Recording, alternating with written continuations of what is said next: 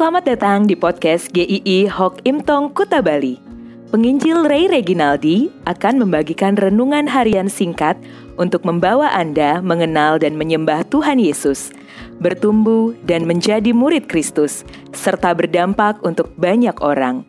Jika Anda merasa diberkati melalui renungan ini, silahkan bagikan podcast ini agar orang lain juga diberkati. Inilah renungan hari ini.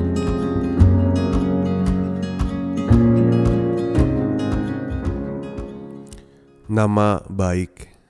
Amsal 22 ayat 1 Nama baik lebih berharga daripada kekayaan besar. Dikasihi orang lebih baik daripada emas dan perak. Saya pernah bertemu dengan orang yang berkata begini tentang orang lain. Bapak itu loh orangnya baik Sederhana Tapi suka bantu orang tapi saya juga ingat ada orang berkata tentang seorang ibu. Wah, ibu itu memang kaya sih, tapi pelit banget loh orangnya. Wah, seseorang itu dikenal baik atau tidaknya bukan karena namanya itu bagus atau tidak, tetapi karena perilaku orang itu. Apa yang dilakukan orang itulah yang biasa melekat pada dirinya. Jadi ketika namanya disebut orang, sudah ada pandangan yang melekat pada orang itu. Apakah dia orang yang baik atau tidak? Perbandingan nama baik dan kekayaan besar dalam Amsal ini sangat menarik. Disebutkan kekayaan besar atau berarti sangat kaya, bukan kekayaan yang biasa-biasa saja. Kekayaan yang sepertinya bisa membeli apa pun.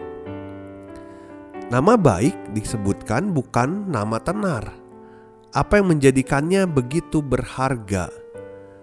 Nama baik itu mempunyai nilai yang melampaui hidup ini. Nama baik itu tetap hidup meskipun orang memiliki nama itu sudah tidak hidup lagi di dunia ini. Tetapi kekayaan sebesar apa pun tidak ada yang bisa dibawanya ke dalam kematian. Kekayaannya tidak akan bisa dinikmati Nama baik didapatkan dengan alami. Nama baik bukan sesuatu yang dibuat-buat. Nama baik ada karena kehidupan yang baik. Nama baik bukan dicanangkan oleh orang itu sendiri, tetapi hasil dari cara hidupnya yang baik. Kekayaan mungkin bisa membeli banyak hal, namun kekayaan tidak pernah bisa membeli nama baik. Di dalam Alkitab, begitu jujur menceritakan apa adanya kisah setiap tokoh-tokohnya. Termasuk mereka yang menorehkan nama yang buruk. Sebut saja Saul. Dia adalah raja pertama. Dia orang dengan jabatan yang tertinggi pada masanya. Tetapi dari kisahnya lebih banyak tindakan yang melawan Tuhan. Ada juga Ananias dan Safira. Mungkin mereka adalah orang yang cukup berada, karena mempunyai aset tanah yang dijualnya itu.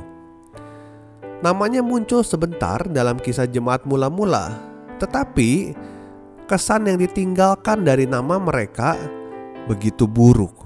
Mereka dicap penipu. Sebaliknya, ada nama-nama yang terus diingat, seperti Abraham, bapak orang beriman, Sakeus, pemungut cukai, tetapi bertobat, Paulus yang dikenal di jemaat-jemaat luas sebagai pelayan Tuhan yang setia. Di dalam KPPK 319 ada lagu yang berjudul Kupuji Dia mengatakan di bagian refnya seperti ini. Yesus Yesus nama terindah menghibur hatiku tak henti kupuji dia. Ya, Tuhan Yesus nama yang terindah maka kita berdoa pun di dalam nama Tuhan Yesus. Ini adalah sebuah pengakuan bahwa di dalam Dialah kita bergantung. Dialah yang berkuasa karena Tuhan Yesuslah yang menyelamatkan kita.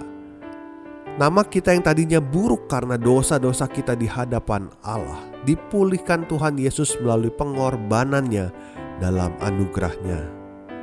Biarlah kita hidup bukan demi nama kita sendiri, tetapi sebagai anak-anak Tuhan hidup untuk Tuhan. Hidup bukan supaya nama kita masyur di mana-mana, tetapi supaya kita memasyurkan Tuhan. Dan biarlah dari cara hidup yang baik, orang mengenal kita dan dari situ orang bisa mengenal Tuhan yang kita percaya. Sehingga setiap hidup kita ditujukan hanya untuk kemuliaan Tuhan saja. Sampai jumpa di episode terakhir Amsal di besok hari. Tuhan memberkati.